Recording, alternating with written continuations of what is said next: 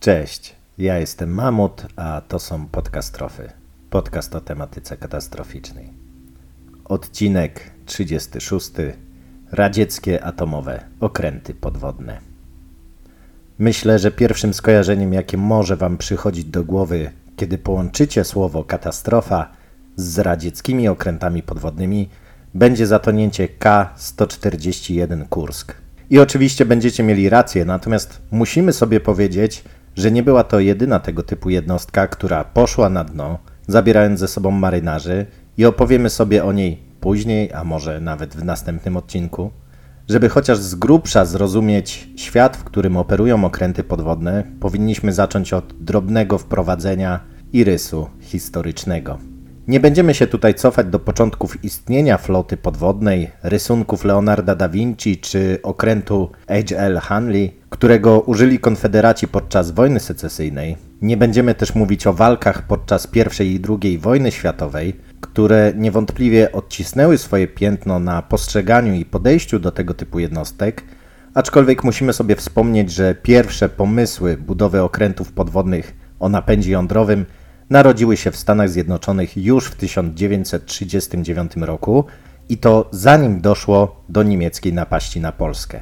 Mało tego, pomysł ten wyprzedzał sierpniowy list Alberta Einsteina do prezydenta Roosevelta, w którym ten pierwszy zwracał uwagę na możliwość wykorzystania odkrycia Fermiego i Szillarda, czyli rozszczepienia atomu w przemyśle zbrojeniowym. Zresztą posłuchajcie, co napisał. W ciągu ostatnich czterech miesięcy stało się prawdopodobne, że dzięki pracom Joliota we Francji, jak również Fermiego i Szillarda w Ameryce, uda się doprowadzić do jądrowej reakcji łańcuchowej w dużej masie uranu, w wyniku której powstaną olbrzymie ilości energii i znaczna obfitość nowych pierwiastków przypominających rad. Obecnie wydaje się niemal pewne, że jest to do osiągnięcia w najbliższej przyszłości. To nowe zjawisko umożliwi konstruowanie bomb i nie jest wykluczone, choć mniej pewne, że mogą w ten sposób powstać niezwykle potężne bomby nowego typu. Jedna bomba tego typu, przewieziona na statku i zdetonowana w porcie, zniszczyłaby cały port wraz z częścią otaczającego go obszaru. Takie bomby mogą się jednak okazać za ciężkie, by dało się je transportować drogą powietrzną. Dalej proponował on, aby rząd amerykański nawiązał współpracę z najwybitniejszymi fizykami, którzy mogliby urzeczywistnić ten pomysł. Atomowe okręty podwodne musiały więc jeszcze poczekać, mimo że pewne przygotowania zostały już poczynione, ponieważ to na potrzeby zasilania ich reaktorów opracowano już pewne metody, które przydadzą się przy budowie bomby i w swej naturalnej formie uran zawiera głównie izotop 238, który nie jest rozszczepialny, więc nie przedstawia żadnej wartości, jeśli chodzi o przeprowadzenie reakcji łańcuchowej. Jednak poniżej 1%, a dokładniej 7 promili, stanowi uran 235, który może posłużyć jako paliwo jądrowe albo materiał do budowy bomby atomowej. Jednak te 7 promili to zwyczajnie za mało, więc trzeba jakoś zwiększyć procentowy udział uranu 235 w całej masie.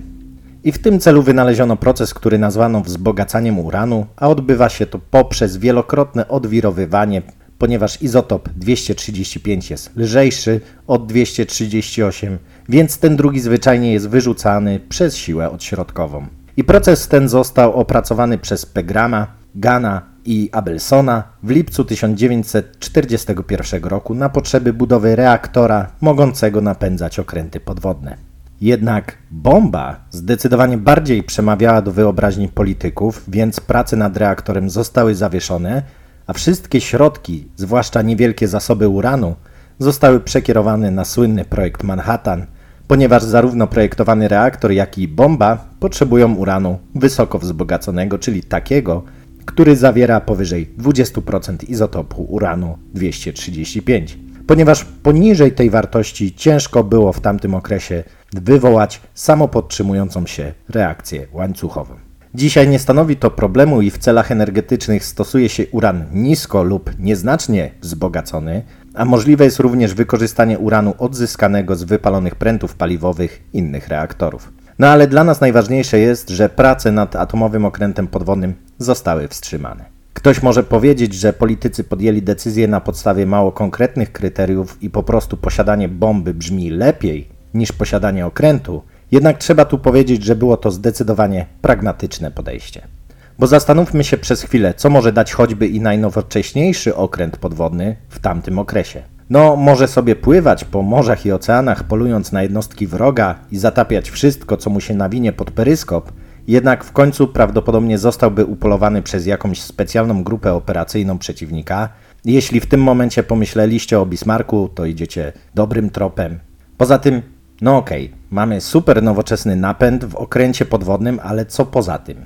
Nie przenosi on pocisków balistycznych, nie jest w stanie zagrozić celom położonym raptem kilka kilometrów w głąb lądu, no i wciąż nie mamy technologii, które sprawiłyby, że będzie on trudniejszy do wykrycia dla wroga. Więc poza nieograniczonym zasięgiem nie wykazuje on większej wartości bojowej niż okręty o napędzie tradycyjnym. Za to bomba, no to już jest zupełnie inna rozmowa.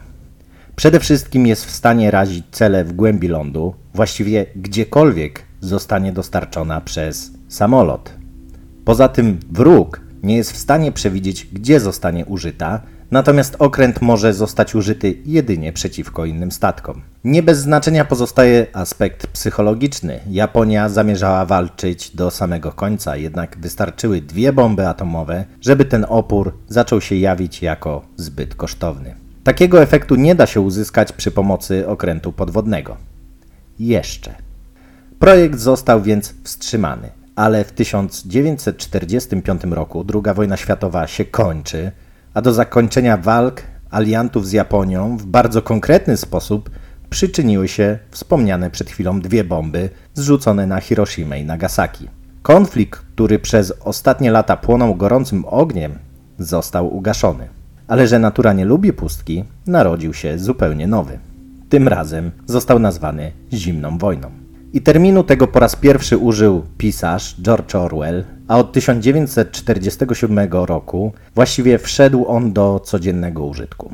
I zimną wojnę można opisać jako napięcie między krajami zachodnimi z USA na czele i blokiem wschodnim przewodzonym przez ZSRR. Właściwie obie strony spoglądały na siebie złowrogo, nie ufając sobie za grosz, więc naturalną konsekwencją takiego stanu były przygotowania do ewentualnej nowej, już w gorącej wojny. I w tym momencie ktoś w Departamencie Obrony Stanów Zjednoczonych przypomina sobie o projekcie okrętów podwodnych o napędzie atomowym. Przeanalizowano go i tym razem mając odrobinę wolnego czasu i dostępne środki, które nie były koniecznie potrzebne gdzieś indziej, Kongres w lipcu 1951 roku zatwierdził plan budowy pierwszego tego typu okrętu.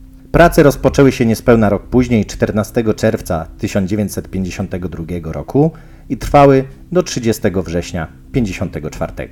Po wejściu do służby otrzymał on imię USS Nautilus. I był to milowy krok w dziedzinie wojny podwodnej. Do tej pory wszystkie wcześniejsze okręty podwodne były tak nazywane odrobinę na wyrost i bardziej prawidłowym ich określeniem byłoby nazwanie ich okrętami zanurzającymi się, ponieważ ich czas działania pod wodą był mocno ograniczony ze względu na niską pojemność baterii elektrycznych oraz niewielki zapas tlenu. Okręty te musiały się co jakiś czas wynurzyć, żeby podładować akumulatory oraz wymienić powietrze, które śmierdziało ropą, spalinami, brudnymi ciałami i wszystkim tym, co gniło i pleśniało w schowkach kambuza. Teraz miało się to diametralnie zmienić. Reaktor atomowy produkuje duże ilości energii cieplnej, która w turbinach zostaje przekształcona w energię elektryczną. Oznacza to, że można zabudować całą masę dodatkowych urządzeń, które do tej pory pozostawały jedynie w sferze marzeń konstruktorów, a przede wszystkim marynarzy, bo w zanurzeniu doiłyby prąd z baterii akumulatorów. Jednak teraz prądu było dość, więc jedną z pierwszych rzeczy, jakie zabudowano, to instalacja do odsalania wody morskiej, w której wykorzystuje się jeden z prostszych procesów, mianowicie destylację, lub w nowocześniejszych jednostkach stosuje się filtry odwróconej osmozy. Sam proces nie ma dla nas znaczenia, jednak ważne jest to, że od tej pory słodka woda przestała być problemem. Kolejna ważna kwestia to zaopatrzenie okrętu w tlen. Tutaj znów z pomocą przychodzi nam fizyka. Okręt pływa w wodzie, woda to związek chemiczny, którego wzór doskonale znacie, czyli H2O. Dwa atomy wodoru i jeden tlenu. Gdyby tak udało się oderwać i gdzieś wywalić ten wodór, to mamy czysty tlen do oddychania. I w sumie nic prostszego, bo można to zrobić w procesie elektrolizy kiedy przez dwie elektrody, katodę i anodę, zanurzone w wodzie przepuścimy prąd elektryczny, a ten spowoduje rozerwanie wiązań atomowych i rozpad wody na tlen i wodór. Tym pierwszym sobie oddychamy, ten drugi wyrzucamy za burtę, no i jest cacy. Od tej chwili okręty mogły przebywać pod wodą tak długo, jak długo starczyło jedzenia, lub też jak długo załoga była w stanie to wytrzymać. Żeby trochę to ułatwić, przyjęto nieco inny system czasu niż na powierzchni. Wachty, czyli służby, miały po 6 godzin, po czym przysługuje 12 godzin odpoczynku. Wprowadza to odrobinę zamieszania po powrocie do portu, kiedy marynarze nie do końca są pewni dokładnej daty, ale pod wodą, bez dostępu do światła słonecznego, data nie ma dla nich tak wielkiego znaczenia, a taki podział czasu powoduje mniejsze zmęczenie. No i żeby pokazać, że okręt z napędem atomowym jest zdolny operować przez dłuższy czas bez wynurzania, Nautilus jako pierwszy przepłynął pod pokrywą lodową bieguna północnego, co pewnie musiało być niesamowitym przeżyciem, no bo nie oszukujmy się, jeśli cokolwiek pójdzie nie tak, jak powinno, to i tak nie ma najmniejszej szansy na wynurzenie się, przebicie przez lód i przeżycie. Marynarka USA była jednak tak pewna tej konstrukcji, że postawiła wszystko na jedną kartę. Efekty przeszły najśmielsze oczekiwania, więc postanowiono, że należy zrezygnować z tradycyjnego napędu diesla w tego typu okrętach. Nautilus nie został jednak wyposażony w wyrzutnie pocisków rakietowych, chociaż brano pod uwagę taką możliwość. Posiadał jedynie sześć wyrzutni torped do niszczenia celów nawodnych oraz okrętów podwodnych wroga. W ten sposób narodziły się myśliwskie okręty podwodne o napędzie atomowym. Są one stosunkowo niewielkie, za to szybkie i zwinne, a ich zadania to oprócz wykrywania i niszczenia wroga, to także działania rozpoznawcze, patrolowe czy desantowanie niewielkich grup żołnierzy. Zupełnie inną klasą są znane nam z filmów okręty mogące przenosić pociski balistyczne z głowicami jądrowymi, które w zależności od swojej konstrukcji mogą być odpalane, kiedy okręt znajduje się na powierzchni lub nawet spod powierzchni wody. No ale cały czas kręcę się wokół Stanów Zjednoczonych, a odcinek miał dotyczyć radzieckich okrętów podwodnych. Już się poprawiam. Nie zaskoczę chyba nikogo mówiąc, że Związek Radziecki z pewnym opóźnieniem stworzył własny projekt tego typu okrętu, który do służby trafił w 1958 roku, otrzymując oznaczenie K3 i imię Leniński Komsomol. Oznaczało to, że ZSRR było o 4 lata do tyłu, jednak do roku 60 nadrobił te opóźnienia i gra w podwodne podchody mogła się zacząć na całego. Jednocześnie radziecka doktryna wojny podwodnej pod pewnymi względami była podobna do amerykańskiej, ponieważ zaprojektowano mniejsze okręty myśliwskie, które miały wykrywać, tropić oraz niszczyć okręty wroga, a pod pewnymi względami nieco inna, gdyż amerykańskie okręty przenoszące głowice jądrowe miały generalnie operować w głębi oceanów i tam oczekiwać rozkazu odpalenia pocisków Natomiast radzieckie w dużej mierze miały się kryć pod lodami Oceanu Arktycznego, co miało utrudniać ich wykrycie, a w przypadku wojny miały przebić pokrywę lodową, odpalić rakiety i znów zniknąć pod lodem. No ale przejdźmy do okrętów, które interesują nas najbardziej w tym odcinku, czyli tych, które spoczęły na dnie morza. Pierwszy z nich to K8 i o dziwo nie znalazłem, żeby poza nazwą kodową miał nadane jakiekolwiek imię, mimo że w służbie był używany przez niemal 10 lat. NATO nazywało okręty tej klasy kryptonimem November, natomiast Rosjanie po prostu numerem 627A i było to tylko nieznacznie zmodyfikowana wersja starszego o zaledwie 2 lata okrętu K3. Konstruktorzy bardzo mocno wzorowali się na wojennych niemieckich ubotach serii 21, oczywiście mocno modyfikując projekt i dostosowując go do napędzania reaktorem atomowym, jednak pewne części pozostawały niezmienione. I w sumie nie ma się czemu dziwić, podobnie zrobili Amerykanie budując swojego Nautilusa, jednak mimo, że konstrukcja opierała się na drugowojennych założeniach, to jednak K8 miał 107,5 metra, a długość ubota 21 to niecałe 77 metrów. Zmiana źródła napędu oczywiście bardzo wpłynęła na prędkość okrętu, bo typ 21 rozwijał na powierzchni około 10 węzłów, a w zanurzeniu mniej więcej 5,5. Natomiast K3 i pozostałe okręty serii 627 bez problemu wyciągały 30 węzłów, niezależnie czy to pod wodą, czy na jej powierzchni. I może to nie robi na Was wrażenia, ale kiedy przeliczymy sobie węzły na kilometry i okaże się, że pierwszy z okrętów pod wodą płynął z prędkością około 10 km na godzinę, czyli w sumie ciut szybszym truchtem można było go przegonić, a drugi zapierniczał 55 km na godzinę, to te cyfry wrażenie mogą robić. Ale nie ma się czemu dziwić, K8 zasilany był przez dwa reaktory o mocy 70 MW każdy. Jak na jeden okręt, to całkiem sporo. Jego załogę stanowiły 104 osoby, a do służby wszedł 31 sierpnia 1960 roku. Nie był to szczęśliwy okręt. Po zwodowaniu miał przepłynąć pod biegunem północnym, żeby pokazać, że Związek Radziecki też potrafi dokonać to, co kilka lat prędzej zrobili Amerykanie. Jednak w wyniku usterek takich jak wycieki pary z generatorów prądotwórczych, ciężko tę misję nazwać sukcesem. Doszło również do wycieków z pierwotnego obiegu jednego z reaktorów, w wyniku czego część załogi otrzymała spore dawki promieniowania. Po powrocie więc z bieguna cała sekcja reaktora została odcięta i wrzucona do zatoki Abrosimowa na Morzu Karskim. Z jednego z reaktorów przed wyrzuceniem go do morza nie usunięto nawet paliwa jądrowego. Ostatecznie całą sekcję musiano odbudować i okręt wyposażono w reaktory nowego typu. Natomiast podczas jednego z przeglądów okazało się, że dziurę w kadłubie zabito drewnianym kołkiem, po czym najprawdopodobniej o nim zapomniano i zamalowano farbą, więc okręt wart ogromne pieniądze przez pewien czas trzymał się na kołku. Oczywiście jest to metoda stosowana do uszczelniania przecieków jeszcze od czasów drewnianych trirem, poprzez galery i galeony aż po dzisiaj, ale ma ona charakter doraźny, bo mimo, że drewno po kontakcie z wodą pęcznieje i całkiem dobrze uszczelnia przecieki, to jednak po pewnym czasie zaczyna gnić, paczyć się i deprecjonować, więc takie tymczasowe uszczelnienia należy naprawiać przy pierwszej wizycie w porcie.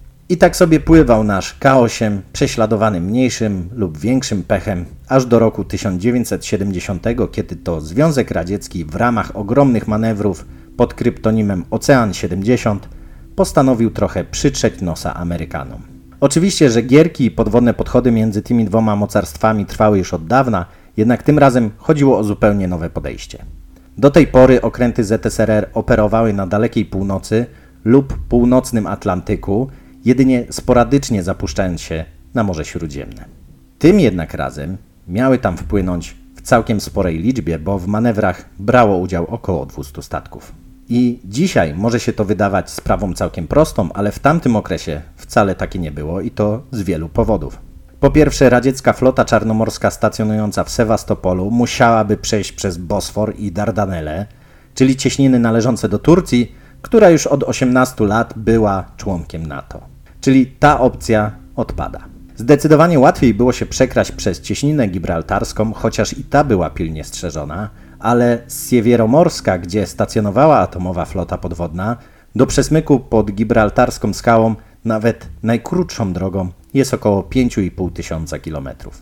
Nawet przy prędkości 50 km na godzinę oznacza to prawie 5 dni drogi i to w jedną stronę, a przecież jeszcze trzeba coś podziałać na Morzu Śródziemnym i wrócić. Nic więc dziwnego, że mogły to zrobić jedynie okręty o napędzie atomowym, które nie musiały się wynurzać, więc ryzyko ich wykrycia podczas marszu z bazy na miejsce manewrów było zdecydowanie mniejsze. K8 się to udało i wydawało się, że pech w końcu opuścił tę jednostkę. Po dotarciu na Morze Śródziemne operował tam przez 52 dni. Niektóre źródła twierdzą, że jednym z jego zadań było postawienie zapory minowej składającej się z głowic torpedowych, która miała na krótki czas odciąć amerykańską szóstą flotę stacjonującą wówczas w Neapolu. Właściwie nie da się ustalić ostatecznie, czy do takiego zdarzenia w ogóle doszło, jednak po pierwsze wspomniał o tym były rosyjski agent Aleksander Litwinienko, a po drugie udało się zeksplorować wrak i z 24 torped, które powinny być na pokładzie, zostało ich jedynie cztery, co mogłoby świadczyć o tym, że zostały zużyte ten lub w inny sposób, ale równie dobrze mogło ich tam wcale nie być już w momencie wyjścia z bazy, chociaż biorąc pod uwagę, że manewry mogły zostać w każdej chwili przerwane i okręt mógł przejść w patrol bojowy, a na świecie mogła wybuchnąć wojna, to jednak mało prawdopodobne, że wyszedł z portu bez tych torped. No ale jest 8 kwietnia 1970 roku i K8 wraca z udanych manewrów na Morzu Śródziemnym, kiedy na jego pokładzie dochodzi do pożaru. Był on na tyle poważny, że kapitan zdecydował, że należy wygasić oba reaktory, przez co okręt zostaje pozbawiony zasilania i musi się wynurzyć. Mimo, że nie jest to obszar sprzyjający działaniom radzieckiej marynarki, bo wszystko dzieje się w rejonie Zatoki Biskajskiej, to jednak K8 ma sporo szczęścia, bo na pomoc w stosunkowo krótkim czasie przychodzą mu inne okręty radzieckie wracające z manewrów. Szczerze mówiąc, bardzo niewiele wiemy, jeśli chodzi o to, co tak dokładnie stało się na pokładzie. Na pewno mowa jest o wielu pożarach, które niszczyły kolejne przedziały. Część załogi została ewakuowana na inne statki, jednak na jednostce wciąż pozostawały 22 osoby z kapitanem na czele, próbujące uratować okręt i mające zamiar podjęcia awaryjnego holu z innego okrętu, żeby można było K8 zaciągnąć do stoczni remontowej. Jednak 12 kwietnia stało się coś zupełnie niespodziewanego i w ciągu zaledwie kilku minut okręt idzie na dno, zabierając ze sobą wszystkich 22 śmiałków, którzy walczyli o jego przetrwanie do samego końca. Bilans ofiar tej katastrofy zamknął się liczbą 52 osób, z czego większość zginęła w pierwszych dniach podczas szalejących wewnątrz pożarów, jak chociażby cała wachta energetyków zajmujących się reaktorami atomowymi, którzy zmuszeni byli odciąć reaktory od zagrożenia ogniem, samemu skazując się na śmierć z powodu braku tlenu. Podobnie zginął zresztą okrętowy lekarz, który został odcięty w lazarecie wraz z pacjentem, którym się opiekował i któremu odstąpił jedyny oddechowy aparat ratunkowy. Szczątki tych marynarzy do dzisiaj spoczywają na dnie Atlantyku. Ale dlaczego wierzyli oni, że uda się uratować okręt, skoro sytuacja najprawdopodobniej była zła od samego początku pożaru i część załogi zdążyła już ponieść śmierć? Bo zaledwie 3 lata wcześniej podobna sytuacja miała miejsce na wspomnianym już K3 Leniński Komsomol. Podczas powrotu z misji patrolowej doszło do rozszczelnienia układu hydraulicznego w przedziale dziobowym, a płyn hydrauliczny pod dużym ciśnieniem uszkodził żarówkę znajdującą się pod sufitem przedziału, co spowodowało zapłon samego płynu. I pożar tej substancji wybuchł z gwałtowną siłą i rozprzestrzeniał się przez system wentylacyjny, przez co bardzo szybko objął przedziały znajdujące się na dziobie okrętu. Z powodu ognia, oparzeń oraz zatrucia tlenkiem węgla w krótkim czasie zginęło 39 marynarzy, jednak sam okręt po awaryjnym wynurzeniu zachował pływalność i udało się go odholować do stoczni, gdzie okazało się, że wszystkiemu winna była niewłaściwa uszczelka układu hydraulicznego. Nic więc dziwnego, że załoga K8 liczyła na to, że ich okręt uda się jednak uratować. Możliwe, że podczas kolejnych wypraw uda się ostatecznie ustalić przyczynę jego zatonięcia. Natomiast co do K3, to został on wycofany ze służby w roku 1988 i skreślono go ze stanu okrętów radzieckiej marynarki wojennej. Powiedzmy sobie szczerze, wszelkie akta, które mogą w bezsporny sposób wyjaśnić przyczyny tych wszystkich katastrof, leżą zapewne na moskiewskiej łubiance i od dziesięcioleci pokrywają się kurzem, a my jedynie możemy opierać się na szczątkowych informacjach, jakie przedostały się do opinii publicznej w ten lub inny sposób. Może się też okazać, że za ileś lat wszystko to, co wiemy dzisiaj, będzie się nadawało na śmietnik i prawda leży gdzieś zupełnie indziej. Ale skoro mamy to, co mamy, to spróbujmy dziś wspomnieć o jeszcze jednym okręcie. Jego numer to K219. Jeśli wydaje Wam się, że jest ona w jakiś sposób znajoma, to bardzo możliwe, że słyszeliście ją w filmie z 1997 roku noszącym tytuł Złowroga Głębia, który w jakiś tam sposób opowiada tę historię. K219 w porównaniu do poprzednich dwóch okrętów, o których wspominałem, był zupełnie inny. Przede wszystkim był dłuższy, bo miał 132 metry, nowocześniejszy, bo wyposażony w dwa reaktory wodne ciśnieniowe, czyli PWR, no i był to okręt przenoszący 16 pocisków balistycznych z głowicami jądrowymi, a każdy z nich mógł przenosić ładunek o sile 1 megatony, czyli każdy z nich był około 50 razy silniejszy niż bomba Fatman zrzucona na Nagasaki. I tutaj jak zwykle zaczynają się nieścisłości, bo w źródłach można znaleźć dwie wersje tego, co się wydarzyło i obie jakoby pochodzą od samego kapitana Igora Britanowa. Powiedzmy sobie szczerze, ciężko, żeby obie były prawdziwe. Ale co tak właściwie stało się na pokładzie K-219? Wiemy na pewno, że w jednym z silosów rakietowych dochodzi do wycieku paliwa z pocisku balistycznego R-27. Według jednej wersji miał być on spowodowany zderzeniem się pod wodą z amerykańskim okrętem podwodnym Augusta. Oczywiście jest to wersja prawdopodobna, ponieważ K-219 operował w rejonie Trójkąta Bermudzkiego, czyli bardzo blisko samych Stanów Zjednoczonych i Kuby. Z drugiej jednak strony, znając odrobinę radzieckie podejście do bezpieczeństwa i stosowanie różnych zamienników, chociażby uszczelek, równie prawdopodobne jest, że mogło dojść do rozszczelnienia zbiornika paliwa w pocisku balistycznym z przyczyn zupełnie niezwiązanych z ewentualnym kontaktem z innym okrętem podwodnym, chociaż tym razem dokumenty, które mogą to potwierdzić lub temu zaprzeczyć, znajdują się pewnie nie w Moskwie, a w Waszyngtonie. Jakakolwiek nie była pierwotna przyczyna, to do wycieku paliwa rakietowego doszło. Pocisk R-27 w październiku 1986 roku był już konstrukcją dwudziestoletnią i co tu dużo mówić, zwyczajnie przestarzałą. W tamtych czasach paliwem rakietowym był heptyl, który oprócz tego, że był silnie łatwopalny, co jest oczywiste, był również żrący, przez co mógł niszczyć zbiorniki, przewody paliwowe i ich wszystkie łączenia, dlatego zbiornik paliwa oraz kadłub samej rakiety wykonany był z aluminium. Do wycieku spod wtyczki jednego z przewodów doprowadzających paliwo jednak dochodzi i obsługa wyrzutni stara się go w jakikolwiek sposób uszczelnić, jednak sytuacja pogarsza się z każdą minutą. Dowódca podejmuje decyzję o częściowym wynurzeniu, gdzie okręt będzie bezpieczniejszy oraz nakazuje odpompować z dna silosa zbierające się tam paliwo rakietowe, a obsługa wyrzutni niemal w całości ewakuuje się do sąsiednich przedziałów, zamykając za sobą grodzie, które miały zabezpieczyć resztę okrętu.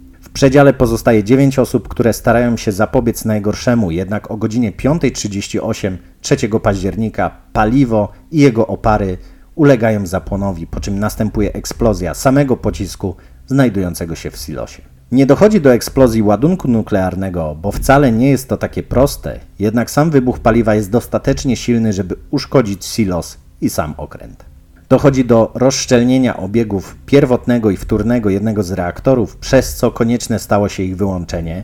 Jednak w wyniku pożaru i wybuchu również układy sterowania pracą reaktora stały się niesprawne. Pozostawała jedynie opcja wyłączenia go z miejsca poprzez manualne opuszczenie grafitowych prętów sterujących, które wyłapują neutrony w rdzeniu, a kiedy ich zabraknie, reakcja łańcuchowa ulegnie wygaszeniu.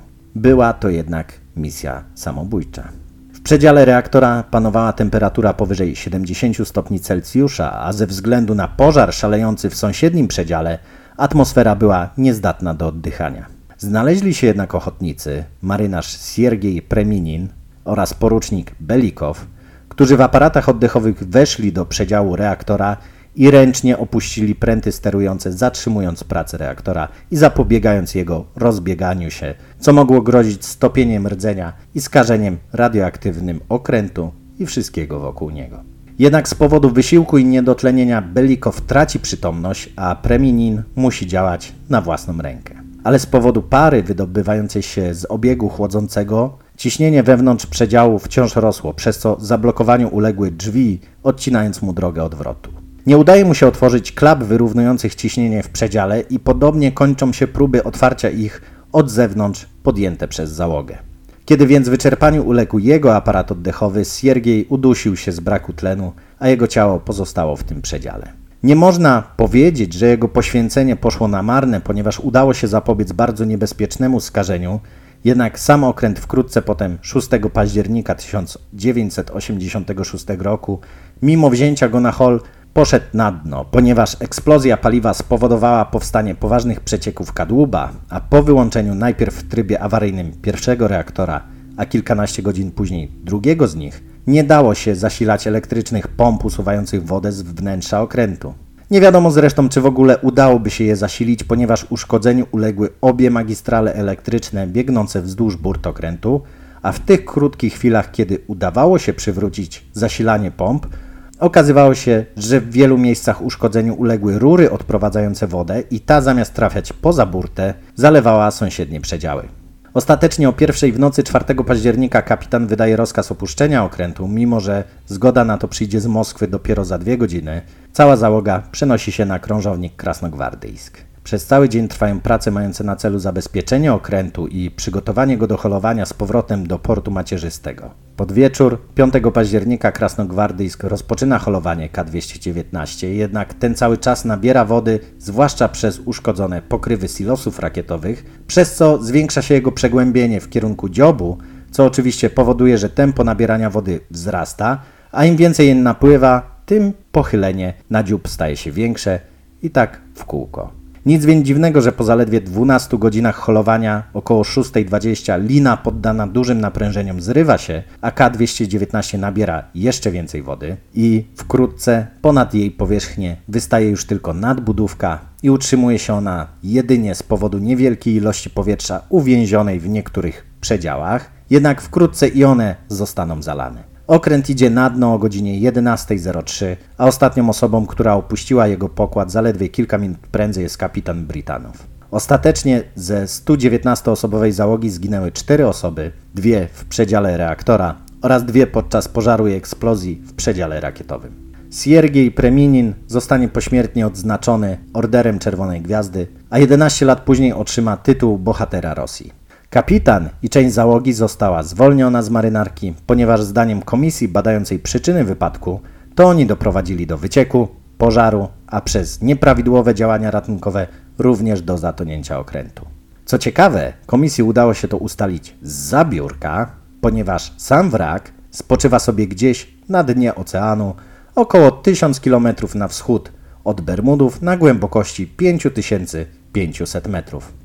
Domyślacie się zapewne, dlaczego takie ustalanie przyczyn i przebiegu katastrof nie ma najmniejszego sensu i tylko prowadzi do powtórzenia wielu błędów w przyszłości, o czym może świadczyć historia zatonięcia Kurska, ale jest to temat na zupełnie inny odcinek. Zapraszam Was oczywiście do odwiedzenia strony podcastów na Facebooku i Instagramie, gdzie na pewno znajdą się zdjęcia tych okrętów. A jeśli macie ochotę wesprzeć mój kanał, to znajdziecie mnie oczywiście na patronite.pl ukośnik mamut. To tyle jeśli chodzi o te katastrofy. Do usłyszenia.